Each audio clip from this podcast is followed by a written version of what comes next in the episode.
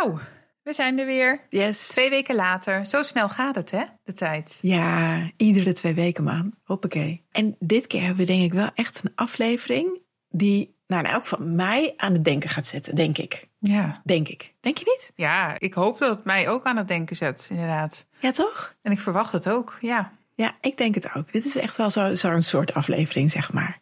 Hoop ik niet dat mensen hierop afhaken dat ze denken: Nee. oh, ik wilde een beetje een makkelijke luister. eh. Nee, we gaan, daarom gaan we gauw beginnen. Ja, we gaan gauw beginnen. Oké, oké, daar komt ie.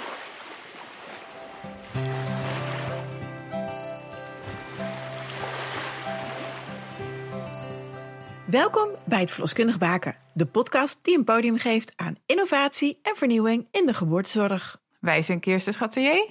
En Mirna Knol.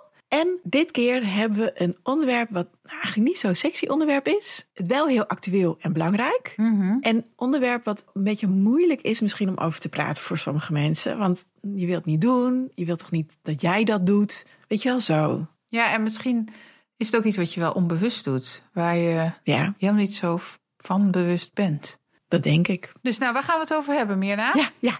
We gaan het hebben over discriminatie in de geboortezorg. Ja. Dat doen we met onze gast, Bahar Goudarzi. En zij weet hier heel veel van. Mhm. We gaan haar vragen over, nou, hoe vaak komt het dan voor?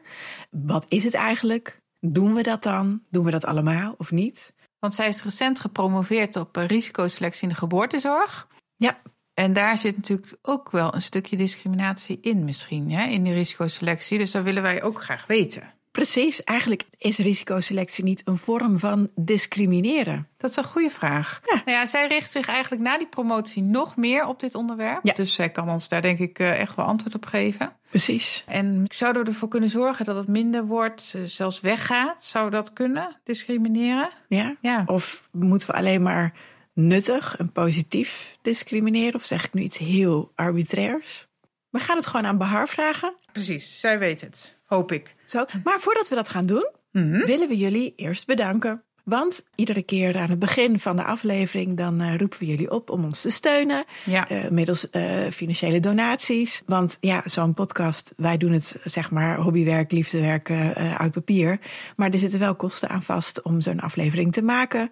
En wat we merken is dat we de laatste tijd weer een aantal mensen hebben gehad die ons gesteund hebben via Petje Af, via de donatieknop op onze website. En dat is gewoon heel fijn. Super. Ja. Bedankt. En we hopen met donaties, ook misschien wel donaties van de toekomst. Dit is een subtiele hint, not. Eh, hopen we uiteindelijk kostendekkend te worden in eh, dit jaar. Dus dat is ons goede voornemen. Help ons dit goede voornemen.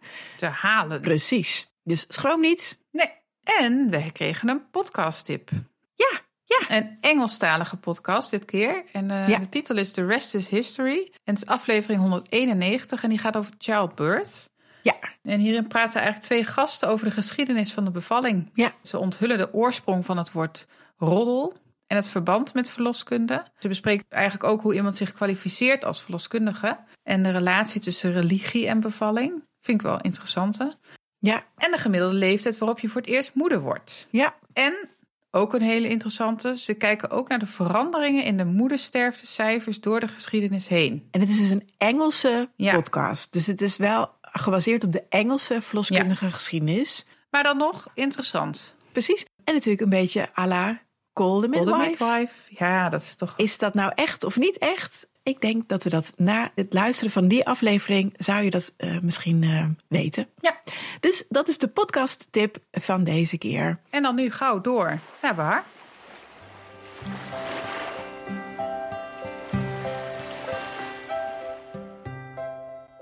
Laten we dan doorgaan naar het onderwerp van eh, deze podcast. Wat fijn, eh Bahar, dat je er bent. En ehm, zou je je misschien zelf willen voorstellen? Ja, ik zie mezelf al zwaaien, maar dat is omdat wij elkaar via Zoom zien, maar de luisteraars natuurlijk niet.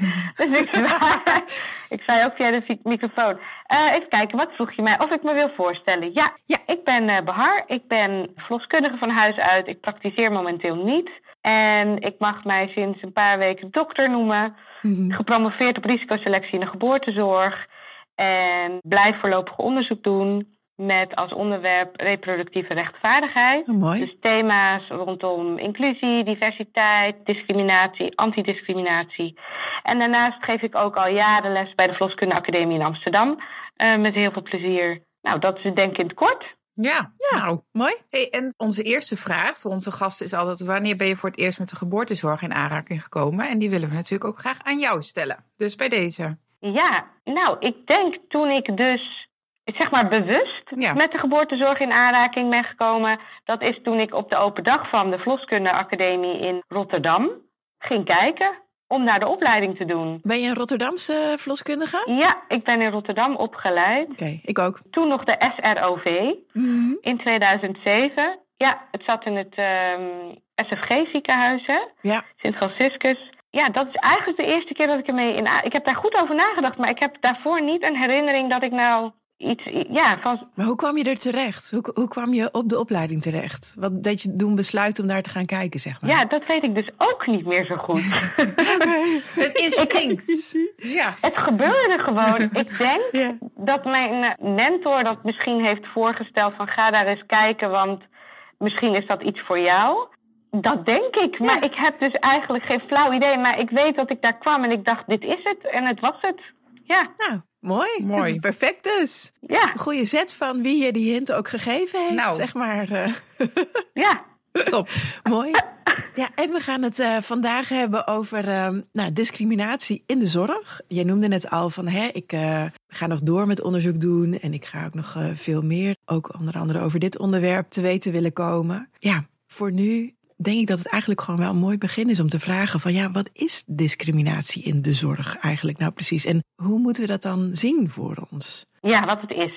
Nou, eh, discriminatie, eh, dat betekent eigenlijk het, het achterstellen of het uitsluiten of het onderdrukken van eh, mensen of groepen mensen Mhm. op basis van hun persoonskenmerken, Ja, maar die irrelevant zijn voor de situatie. Waardoor er oneerlijke behandeling ontstaat. En met persoonskenmerken, dat zijn er heel veel. Mhm. Vaak hebben we het dan over raciale categorie of etniciteit, maar er zijn er veel meer. Je kunt ook denken aan inkomen, scholing, je lichaamsgewicht, je haarkleur, het geslacht wat je is toegewezen bij geboorte, je genderidentiteit, je levensovertuiging of religieuze overtuiging. ja, precies. Eigenlijk alle dingen die, ja, die bij je horen. Ja. Dat is discriminatie. Ja, en dus eigenlijk zeg je ook, vond ik wel een hele interessante, op punten die niet relevant zijn. Maar wie bepaalt dan die relevantie? Ja, dat is dus hetgene wat bij discriminatie hoort. Mhm. Daarin speelt macht een grote rol. Je kunt eigenlijk alleen discrimineren, dus anderen achterstellen, uitsluiten of onderdrukken als je in een machtspositie zit.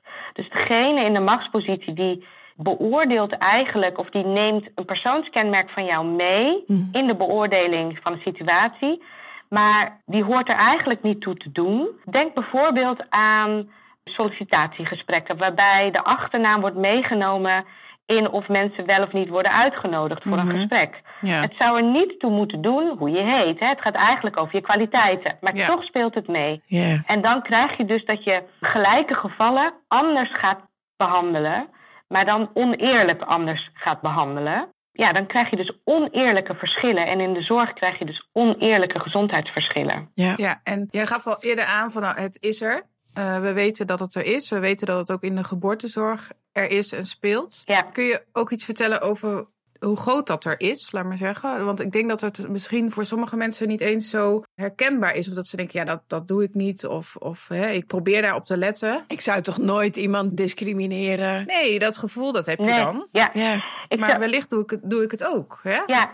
Ja, ik zal eerst iets zeggen over de omvang van het probleem. En dan kan ik ook wel ingaan op waarom dat gevoel er is. Hè? Van hè, Mhm. eh, dat doen wij toch niet of dat bestaat toch niet in de zorg. Kijk, de omvang van het probleem is natuurlijk relatief. Voor mensen die het meemaken is het heel groot. Want het gaat je aan en als je het niet meemaakt is het klein.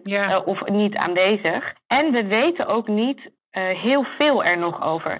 Waar we het meeste over weten is discriminatie op basis van raciale categorie of etniciteit. Mhm. Er wordt veel onderzoek naar gedaan in de VS en in het Verenigd Koninkrijk. In Nederland ook wel wat. Ook rondom armoede weten we wel redelijk wat. Mhm. En in Nederland bijvoorbeeld zie je dat mensen met een niet-Nederlandse achtergrond of een niet-witte huidskleur of die niet behoren tot het witte raciale categorie, dat die het structureel slechter doen in de zorg, dus qua gezondheid, maar ook in de geboortezorg. Nou, dan wordt er altijd gezegd hoeveel dan? Ja, dan, dan zie je dat de maternale en perinatale mortaliteit zo'n twee tot drie keer hoger ligt. En dat hangt er dan weer vanaf in wat groepen je kijkt. Komt dat dan door de discriminatie dat ze het slechter doen? Daar ga ik straks ook op in. Maar even om mijn Ja. verhaal af te maken. Het hangt er dus vanaf in welke groepen je kijkt. Dus bijvoorbeeld als je kijkt onder vluchtelingen. Mhm. hebben we recent een onderzoek van gezien zeven Ja. keer hoger. Ja. Hè, dus, ehm, en in mijn eigen studie heb ik gekeken in een gezonde populatie. Want nou, daar ga ik al een klein beetje in op jouw vraag. Mhm. Heel vaak wordt er gezegd, ja, maar dat zijn mensen die slecht voor zichzelf zorgen en roken en niet hun best doen in de maatschappij.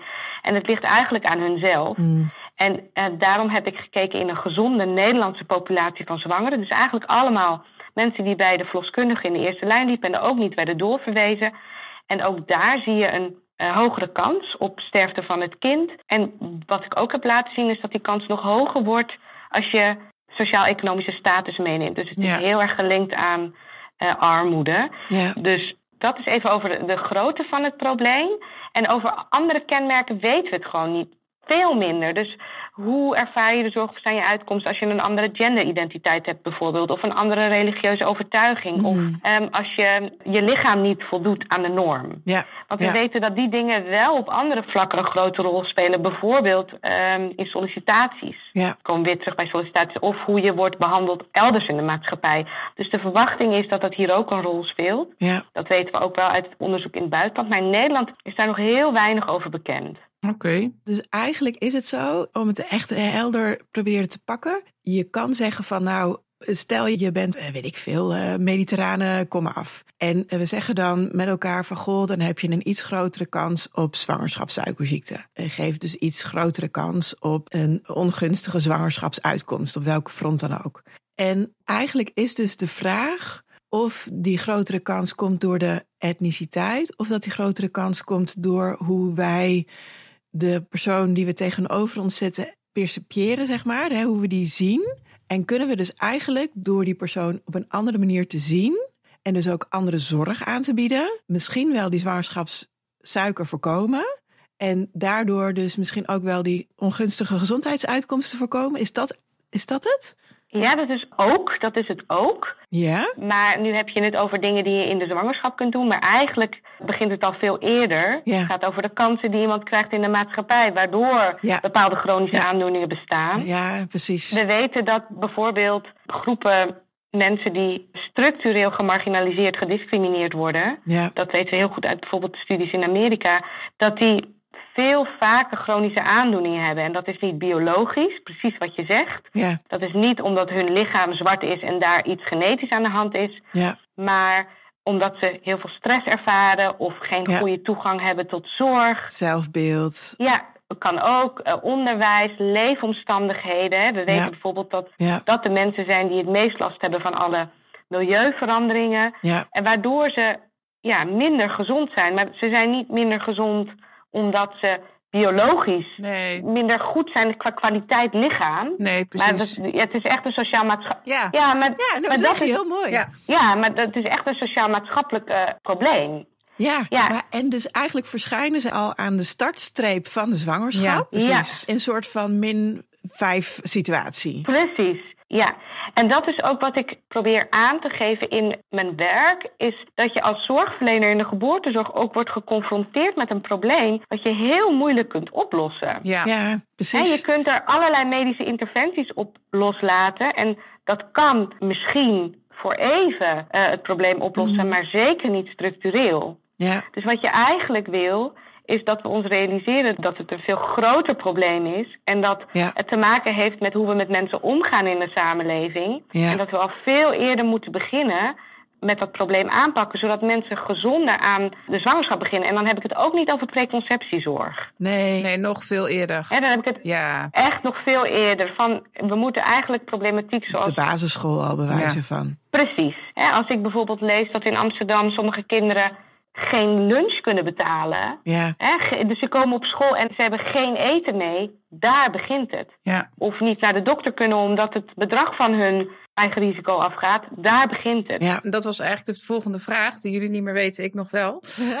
um, van hoe, hè, als wij als geboortezorgverleners worden we er dus mee geconfronteerd en gaan we er dus ook mee? Ja. Doen we er wat mee en doen wij dat, dat dus ook onbewust? Dan zeggen we dan van wel van ja, we discrimineren niet bewust, maar ja. in ons werk, ja. in de basis, zitten daar misschien toch facetten in die gewoon anders zouden kunnen. Ja, en dat onbewust is heel goed dat je dat benadrukt. Kijk, als iemand heel bewust discrimineert, daar kun je Ja, wat mee. Dat zeker. merk je op. Ja. Eh, dat is strafbaar. Ja. Maar het echte gros van de gevallen is onbewust. En het is ook goed om te benoemen dat discriminatie op een aantal niveaus kan plaatsvinden. Het kan tussen mensen plaatsvinden. Mhm. Het kan ook van iemand naar zichzelf toe plaatsvinden. Oh ja. Dus laat ik het even goed uitleggen. Hè? Dus dan, dan heb je het over naar jezelf toe. Als je bijvoorbeeld de taal niet machtig bent. Ja. En je bent bang om niet verstaan te worden of serieus genomen te worden. Ja. Omdat je denkt dat je dom bent, ga je niet bellen. Dat, is- dat is Ja. eigenlijk jezelf discrimineren. Het kan tussen mensen ontstaan, bijvoorbeeld in de spreekkamer.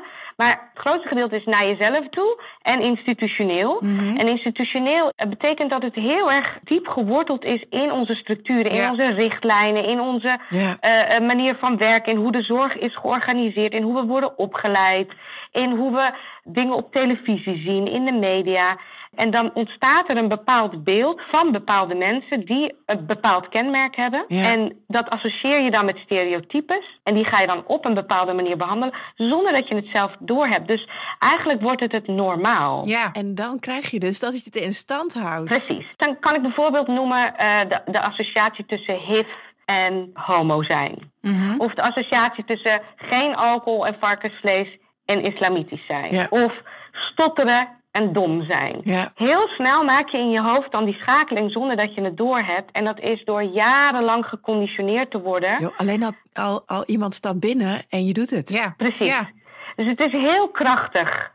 Ja, dan kan je dus eigenlijk, want dan zit je klem. Ja. Even, ik zit nog steeds even te zoeken naar wat zit er in mijn invloedssfeer hè, als, als Ja. zorgverlener. Heel goed. Wat kan ik nou? Dus mensen komen potentieel op min 5 bij mij de spreekkamer binnen. Ja. En ik heb meteen al mijn eh, onbewuste ehm, eh, discriminatie gedaan, want ze zijn binnen. Ja. Eh, dus ik heb al gezien dat ze, weet ik veel. Hoger BMI, eh, ja. Ja, en een, een Ja. wat lager eh, sociaal eh, milieu. Ja. En, eh, eh, dus dat heb ik allemaal al gedaan. Dus ik heb al mijn, aan de ene kant, volgens de richtlijnen, kenmerken gepakt met, oké, hoger BMI, eh, dus meer kans op zwangerschapssuiker. Dus eh, dat moet ik inzetten. Maar eigenlijk, du moment dat ik dus die test voorstel, bevestig ik het, het geheel. En dan zet je dus klem, want dan ga je dus automatisch door, toch?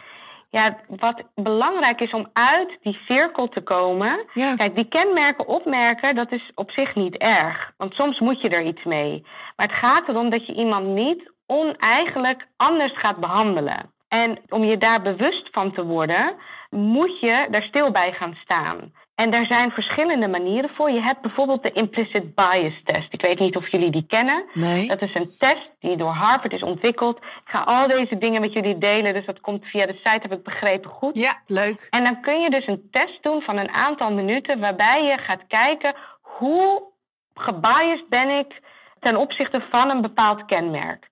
Ik ging hem bijvoorbeeld doen en toen dacht ik, oké, waar zou ik nou naar gebiased zijn? En ik dacht, ik ben vrouw, ik identificeer me als vrouw, ik ga eens kijken hoe dat zit met gewicht. Mhm. En toen ging ik die test doen. En inderdaad, ik ben dus negatief gebiased naar mensen die dikker zijn dan de norm.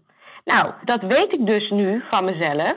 En iedere keer als ik dus iemand zie die niet eruit ziet als de norm, wijs ik mezelf erop behaard. Dit is echt jouw bias. Je moet nu niet negatieve dingen aan deze persoon koppelen. Dit betekent niet dat deze persoon lui is, of niet sport, of heel ongezond eet, Mhm. of niet aardig is, Mhm. of niet succesvol is. Dat zijn al mijn associaties bij hele dikke mensen. Ja, ja, ja, ja, ja. En dat is bijvoorbeeld wat je kunt doen. Maar wat ook heel erg belangrijk is, is dat je daar vroeg op school, maar ook dus in de beroepsopleiding mee begint. Ja. Dus dat noemen Ja. we cultuursensitief werken. Mhm. Wat we nu vooral op de opleidingen leren, en dat begint al wel een beetje te veranderen hoor, maar dat weten jullie misschien ook nog wel van je eigen opleidingstijd. Hm. Ik leerde als ik bij Marokkanen thuis kom, moet ik mijn schoenen uitdoen. Ja, ja. Weet je, Ja. dat was dan culturele competentie. Ja, Het was vooral ook rondom etniciteit hè, en, en, en raciale categorieën. Dus eh, bij iemand die een hoofddoek draagt of hijab draagt, zal de partner misschien geen hand willen geven.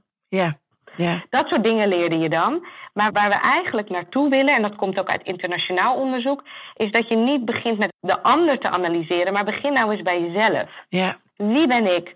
Wat is mijn nest? Waar kom ik vandaan? Welke vooroordelen heb ik?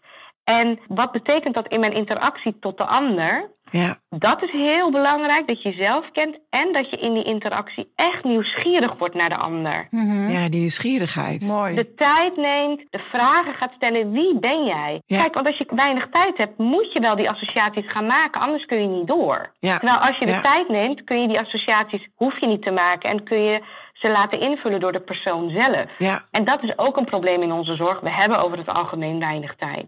Ja. ja, Ehm, precies. dus dat zijn dingen die je voor jezelf kunt doen om te ontdekken of met bias bezig te zijn. Want we hebben het allemaal.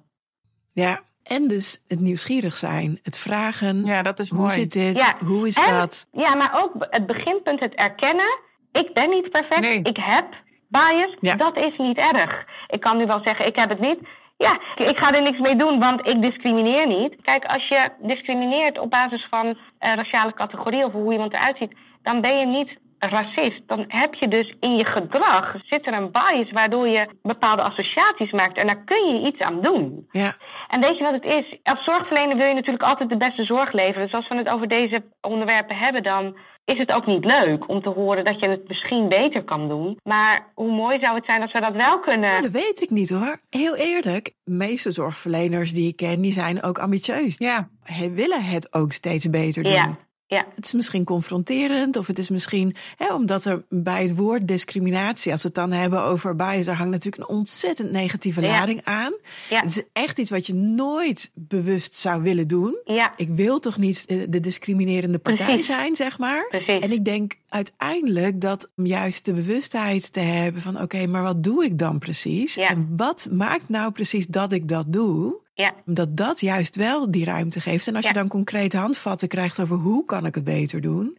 Volgens mij kan je dan gewoon het lerend, eh, lerend Ja. stimulerend vermogen van de zorgverleners pakken. onderling ook. Van mij als zorgverlener pak je dat in elk geval. Ja, maar ook onderling naar elkaar toe. Hè? Van hey, als ik straks die test gedaan heb, dan kunnen we elkaar ook daarin weer voeden en Ja, helpen. Want Ja. het zal misschien Ja. niet altijd makkelijk zijn, omdat het zo diep geworteld zit. Onbewust. het zou supergoed zijn als je dat kan. Ja. In de praktijk merken we dat dat moeilijk is. Mensen gaan Ja. toch heel snel in hun kwetsbaarheid zitten van... oh, maar ik doe dat toch niet en ik wil helemaal niemand Ja. kwaad doen... en misschien ligt het toch aan de ander of misschien ligt het... Die Angelo schrijft daar heel mooi over. Haar boek heet White Fragility of Witte Fragiliteit. Maar het gaat over het concept fragiliteit en dat kan je overal op toepassen. Mhm. Eh, maar dat je eigenlijk in je eigen kwetsbaarheid gaat zitten... waardoor je geen ruimte meer hebt om te zien wat je anders kan doen. ja, En daar moet je aan voorbij. En het is heel mooi zoals jullie dat zeggen. Als je dat samen kunt doen, ja. ja, dat is natuurlijk fantastisch. En nog heel even hoor, want ik zit dus te zoeken. Hè? Dus iemand komt nogmaals op min 5 bij mij binnen. Ik heb die test gedaan. Ik ben me bewust van mijn bias. Ik probeer daarin nou, die bewustheid eh, voor het oog te houden, zeg maar.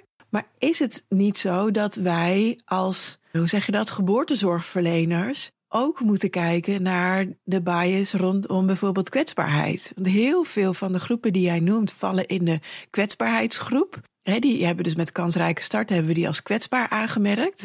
En houden we dan door die groepen juist als focuspunt te hebben, ehm, houden we dan die kwetsbaarheid niet in stand? Houden we dan die.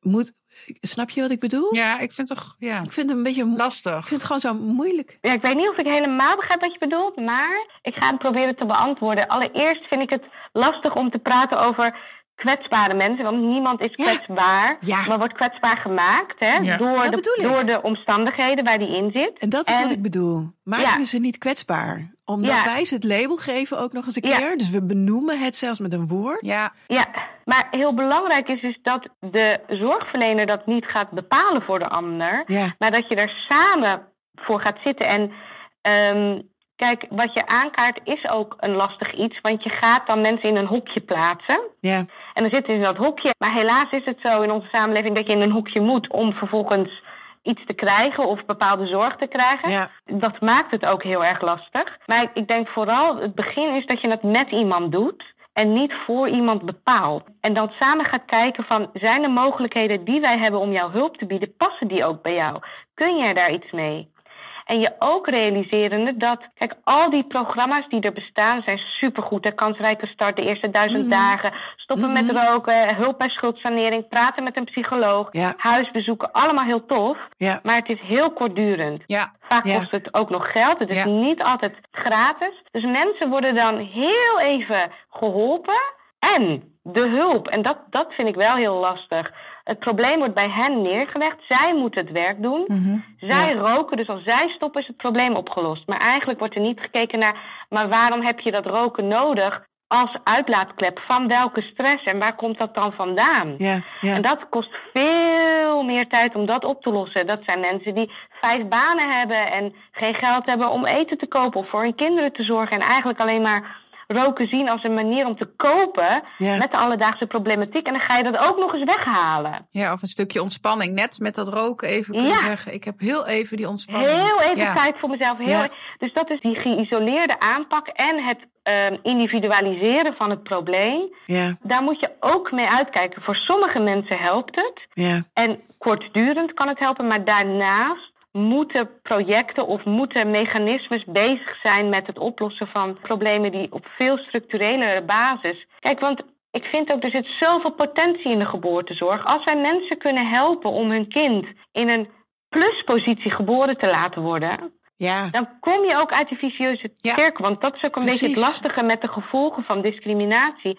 Het draagt van generatie op generatie over. Ja, Dat zie Ja. je in de epigenetica terug. Dus bijvoorbeeld Ja. stress, maar ook hypertensie. Dat zijn dingen die je overdraagt als gevolg van alle druk die je ervaart in de Ja. samenleving. ja, En dan wordt zo'n kind geboren en heeft al een rugzak. Ja. Als je die nou zou kunnen verkleinen. En ik denk, ja, de geboortezorg is zo bijzonder. Daar- Daar kunnen we gewoon heel veel mee. Ja, en dat is ook mooi. En daar willen we natuurlijk, kijk, wij zijn daarvoor. Jij bent daar natuurlijk hè, in die zin heel hard mee aan het werk. Zo moeten we elkaar steeds met kleine beetjes voeden en zeggen van jongens, het kan echt anders. Want het is een heel groot instituut en het is Ja. diep geworteld. Ja. Dus ja, het is ook niet morgen opgelost. Zo reëel moeten we natuurlijk Nee. ook zijn. Precies.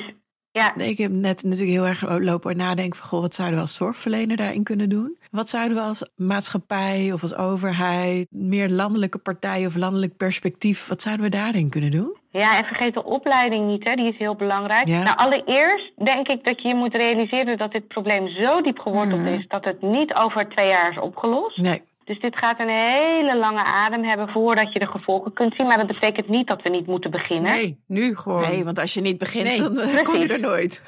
En dat er al best wel veel gebeurt. Hè? Je ziet echt wel in de geboortezorg een omslag rondom die Black Lives Matter Ja. protesten en COVID. Ja, Waaruit je zag van, eh, ook in de geboortezorg doen mensen die anders zijn, doen het slechter. Want dat is eigenlijk waar het over gaat. Het systeem is gericht op een type persoon en iedereen die anders is, doet het eigenlijk slechter. Ja. Er is heel veel gebeurd. ICM heeft zich uitgesproken.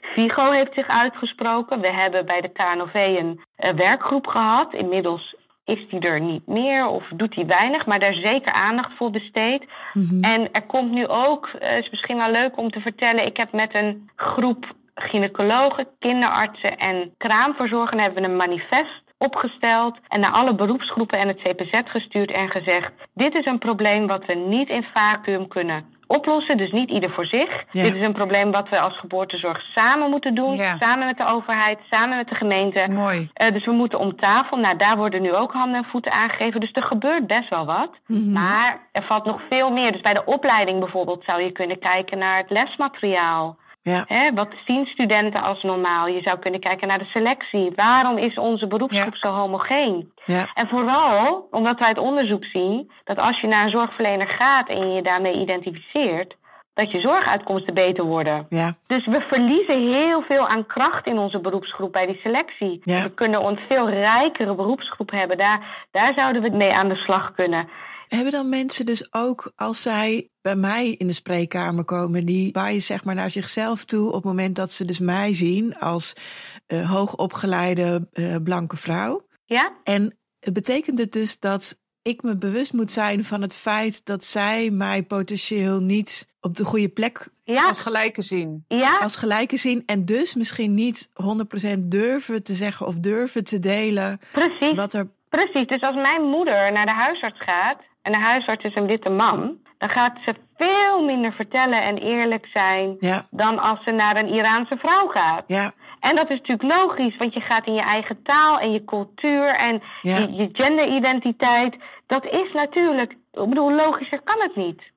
maar goed, Dus- ik bedoel, dan, dan krijgt ze een auto-ongeluk en dan belandt ze op de spoedeisende hulp en dan is daar die witte man. Ja, En dan moet ze daar, ja, moet, moet, moet. Maar hè, dan is het handig als ze daarin toch wel vertelt wat ze voelt en waar ze last van heeft. tuurlijk. Hoe kan je dan die brug slaan? Nou, wat belangrijk is, is dat je dus gaat werken aan een vertrouwensband met mensen. En dat weten we ook uit allerlei onderzoeken. Hoe belangrijk continuïteit is en tijd besteden aan het bouwen van een relatie met elkaar. Dus Ja. wederom naar mijn moeder. Als mijn moeder tien keer naar die witte man is geweest, die huisarts. Ja, En eh, daar is tijd geweest en er wordt naar haar geluisterd. Ze krijgt feedback waaruit blijkt dat ze wordt gehoord. Ja. Ja, dan verandert natuurlijk die relatie. Ja, ja, precies. Maar dan precies. moet die huisarts zich daar bewust van zijn en daar specifiek manieren van communicatie ehm, op inzetten. Dus dat moet ook op de opleiding. Precies, en dat is dat hele cultuur. Hoe bouw je nou een vertrouwensband op? Precies. maar dat kan je nu ook al doen, Mirna. Maar Kirsten, heb jij dit op de opleiding gehad? Hoe bouw je, gewoon les? Hoe bouw je een vertrouwensband op? Nee, ja, niet. Ik geloof niet dat het zo gedefinieerd werd. Nee. Maar het is natuurlijk wel iets wat wij, waar je wel, ook qua empathisch vermogen en zo, waar- waar wel naar gekeken werd. Van hé, hey, kan je, Ja. maar niet als in les. Maar be- het bewust doen, nee, ja. Ja. ik denk wel dat je dat bewust, en het hoeft, bewust is niet gemaakt. Nee, maar, je kreeg natuurlijk wel gewoon goede feedback op dat contact. Of, of het gevoel dat vrouwen zich snel bij jou prettig voelen. Of eh, dat zagen natuurlijk, Ja. in de stage zag je dat wel terug. Maar Ja, Ja, dat komt ook wel in de opleiding terug. Maar wat ik zelf mis, is dat stukje over macht. ja, Van het precies. Ja. feit dat ik wit ben en hoog opgeleid ben, plaatst mij hoger in onze maatschappij in de hiërarchie. Ja. Ten opzichte van iemand zoals mijn moeder, die een vluchtelingenachtergrond heeft, Ja. eh, die niet wit is, die eigenlijk continu wordt verteld dat ze niet wordt begrepen in haar taal. Die bewustwording van hoe speelt macht een rol is heel belangrijk. En een goed voorbeeld is ook om het naar de geboortezorg te halen. Is, ik voer heel vaak het gesprek als door onze mannelijke collega's wordt gezegd: als ik werk en een vrouw zegt ik wil geen mannelijke verloskundige, word ik ook gediscrimineerd. oh Dat is ja. natuurlijk hem- helemaal niet fijn om te horen. Nee, Maar als we nu weer teruggaan over wat nu maakt dat je kunt discrimineren, namelijk macht en de ervaringen van mensen en hun positie in de maatschappij, dan vind ik het niet gek dat iemand die komt van een verleden waarin het contact met mannen in onze maatschappij altijd beladen is. Hè? Ja, Mannen hebben een machtspositie. Mhm. Er is structureel sprake van seksueel overschrijdend gedrag. Allerlei manieren van intimidatie. Als je dat hebt meegemaakt, veelvuldig. ja, Dat je op zo'n kwetsbaar moment als de bevalling denkt: ja, maar ik ik- hoef niet Nee. een man aan mijn bed. Ik heb geen probleem met jou als persona, want misschien ben jij heel erg aardig. Ja. Maar ik heb geen vertrouwensband met jou. Ik zie jou voor het eerst. En alles triggert mij, dus ook weer die bias. Dat is ook bias, hè? tuurlijk. Alles triggert mij met Ja. al het negatieve wat ik met mannen heb. En Ja. dan moet ik nu met mijn benen wijd en jou toegang geven tot mijn lijf. Ja. Terwijl je dat in het verleden zo vaak hebt genomen. Op ieder feestje kneep je in mijn borst. Ja, Of kneep je in mijn bil. Of werd ik verkracht door jou. En nu moet ik je vertrouwen. Ja. Dus als je als ja. En dan is het niet die persoon, maar dan is het het, het aspect man. Het aspect man. Ja, En dan je realiseren dat iemand enorm kwetsbaar is en eigenlijk een ander signaal uitzendt. En dat gesprek moet je met elkaar aangaan. ja. En dat kunnen we nu al doen. Dat kunnen we doen. Maar begrijpen jullie dit voorbeeld? Ja, ja, zeker. Ja. Heel goed. ja, Ja. ja. En dus daarin, de bias van de ander moet je niet persoonlijk Nee. nemen. Want die gaat Nee. niet over jou als persoon. Maar dat begrijpen en ook begrijpen dat jij op dat moment als witte mannelijke verloskundige in een geboortezorgsysteem nog steeds in een machtspositie bent. En als je het doordrukt, Ja, jij moet zorg van mij ontvangen, ja, dan krijg je dus zaken als hè, dat mensen obstetrisch geweld gaan ervaren. ja, Ja, precies. Ja. Zo hangen die thema's ook met elkaar samen. Nou, daar kan Rodante, weer, eh, Rodante van der Waal weer alles Ja. over vertellen. Maar ja. en zo komen we dus in een systeem waarin mensen wederom getraumatiseerd worden en bevestigd worden in hun bias. ja. En eigenlijk mannen nog minder gaan vertrouwen, nou, et cetera, et cetera. En wat hun ook weer kwetsbaarder maakt in de start met hun kind. De cirkel is alweer rond, bij wijze van spreken. Mhm. En, en je hoort dus ook hoe complex en moeilijk het is. Het is echt niet makkelijk. Ik vind het zo fijn dat we dit kunnen doen nu, vandaag. En ook hè, in het thema van 21 maart. eh, dat we kunnen zeggen van laten we onszelf in die kleine stukjes er al bewust van zijn wat we zelf al anders zouden kunnen doen. En dan wel met, met de gedachte dat het niet morgen opgelost is, wat je ook al zei, Behar. Maar wel bij jezelf beginnen, om het zo maar eventjes. Ja, Nou, je bewustzijn van je onbewuste gedrag. ja, Ja, ja, precies. Ik trek het dan door. Jij hebt het dan op microniveau. Dus als jij iemand voor je hebt. Ja. Maar je hebt het dus ook op het stukje opleiding. Je hebt Ja. het stukje Ja. beroepsgroep. En wetenschap, hè. Laten we wetenschap niet vergeten. Nee. Ik werk heel hard aan. Hè. Daar heb je ook representatie nodig. En hoe zorg je ervoor dat je gezondheidsverschillen zichtbaar maakt in onderzoek? Eh, daar valt ook heel veel te winnen. nee, we zaten vanmorgen aan de ontbijttafel als gezin. En eh, dit onderwerp kwam ter sprake. En nou ja, dan, dan vraagt mijn dochter van negen, wat is discriminatie dan precies? Dat vraagt ze bij ieder woord overigens. Bij principe vraagt ze het ook. Continu eh, woordenboek eh, fenomeen. En toen hadden we inderdaad het voorbeeld van de onderzoek op medicatie. En waarom veel medicatieonderzoek op blanke mannen eh, van pak een beet eh, 30 of zo gedaan wordt. Ja. Dat heel lang ook gedacht was dat het geen, geen verschil uitmaakt. Maar ook dat dat de norm was. Dat was het normaal. Dus als het Ja. daarvoor werkt, dan is het goed. En hoe dat dan doorwerkt. En het zijn op zoveel niveaus, eh, denk ik ook inzicht. Want wat normaal is, is dat echt normaal? Dat is dan eigenlijk steeds de vraag die je moet Ja. stellen. En dat vind ik heel interessant. Dus steeds de norm bevragen. Ja, Voor wie is dit normaal? Wie profiteert van dit normaal? ja, Als we het anders doen, wordt het dan rechtvaardiger? ja. Ja, dus hoe kunnen we de geboortezorg verbeteren door dat op een rechtvaardige manier te doen? Kijk, wat ik ook belangrijk vind om te melden, en dat vertelde ik ook bij mijn promotie, is dat we bijvoorbeeld als het gaat over de babysterfte zo gefocust zijn op die aterme Ja. periode. Ja, Terwijl als je kijkt naar het grootste gedeelte van de babysterfte zit hem op kinderen die te vroeg of te klein zijn geboren. Ja. En dat is geassocieerd met discriminatie, gemarginaliseerd zijn. Daar moeten we dingen mee gaan doen. En dat heeft weer zo'n sociaal-maatschappelijk component. Hè? Dus ja. maar dat kan je niet gelijk tellen. Nee. Dat is natuurlijk lastig. Je kan het niet tellen. Die uitkomst wel. Mhm. juist. En de interventie moet veel eerder Precies. beginnen. Want wat kun je daar nou tegen doen in de zwangerschap? Ja, Je kan bijna Ja. niks doen, hè? Nee. En dat maakt het ook zo moeilijk, eh, waardoor die focus verschuift op, op andere zaken waar je wel een interventie op kunt inzetten. Maar het Ja. is niet rechtvaardig. Nee. Ja, Jongen, nee, precies. dit zijn grote vraagstukken nog die voor ons liggen. Nou ja, maar daarin stap voor stap. Hè, soms heb je bij grote vraagstukken de neiging om te bevriezen en te denken: Ja. oh, dit kan ik dus niet, of dit zit niet binnen mijn Nee. invloedssfeer om het te veranderen. Ja, dan zeg ik altijd: je hoeft niet het probleem van de hele wereld op je schouders te nemen, maar alles wat je een beetje bij kan dragen en wat een stapje, een duwtje de goede richting in kan zijn, dat, eh, dat Ja. is al waardevol. En onderzoek maakt het je zo makkelijk om dat te doen. Want je moet een hele duidelijke onderzoeksvraag opstellen. Die Ja. zo specifiek is dat je een mini-stukje moet pakken. Ja. Ehm, maar dan realiseer je ook hoeveel er nog te onderzoeken valt. Ik kan echt Ja. zo tientallen projecten opstarten. Ja, ja, Maar ja, ja. dus stap voor stap. Ga door, want het is eh, geweldig werk wat je doet. En ik denk dat je ja, velen van, eh, van ons in de geboortezorg kan inspireren op, ehm, En bewuster ja, maakt. in hun vak. Ja, en jullie nodig hebben, want jullie gaan mij tegenkomen met... mag ik jullie interviewen? Mag ik een vragenlijst afnemen? Ja. Dus ik ga jullie daar ook wel mee lastigvallen allemaal.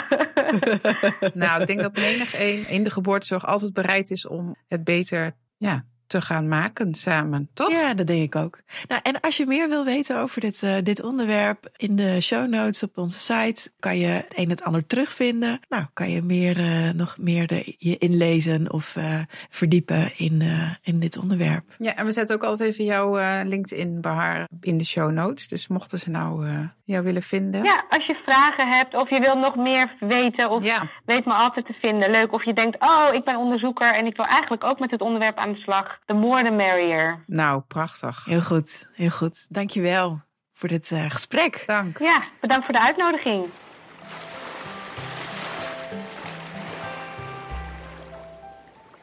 Nou, dat zet ons weer lekker aan het denken, of niet dan? Ik wou het zeggen, hier gaan de raderen weer draaien, hè? Ja, maar op zoveel niveaus. Ik bedoel, voor mezelf in de spreekkamer, Ja. hoe doe ik het nou? Heb ik inderdaad die onbewuste bias of niet? En op welke fronten heb ik die dan? Maar ook, ik kan me voorstellen dat als je bij de opleiding werkt, dat je dit hoort, dat je denkt, "Hmm, misschien moet ik toch nog eens een keer dat lesmateriaal wat ik gebruik doorspitten. Ja, dat zegt zij nu. Dan denk ik, oh, verrek, ja. Of, Inderdaad. nou, maar of, of bij de gemeente. Weet je, als je eenmaal in zo'n hokje zit, dan kom je er gewoon ook niet zo makkelijk meer uit. Dat is ook Ja. echt wel. En ik denk wel dat je eigenlijk samen moet beslissen of je in een hokje beland wil. Even een mooi bruggetje naar de vorige aflevering. hey, heel goed. En dat je ook weer uit dat hokje kan. Ja, En dat jij dat beslist als persoon. Precies. Niet de Precies. omgeving, maar jij. Ja. Ja, ja. Goh, nou.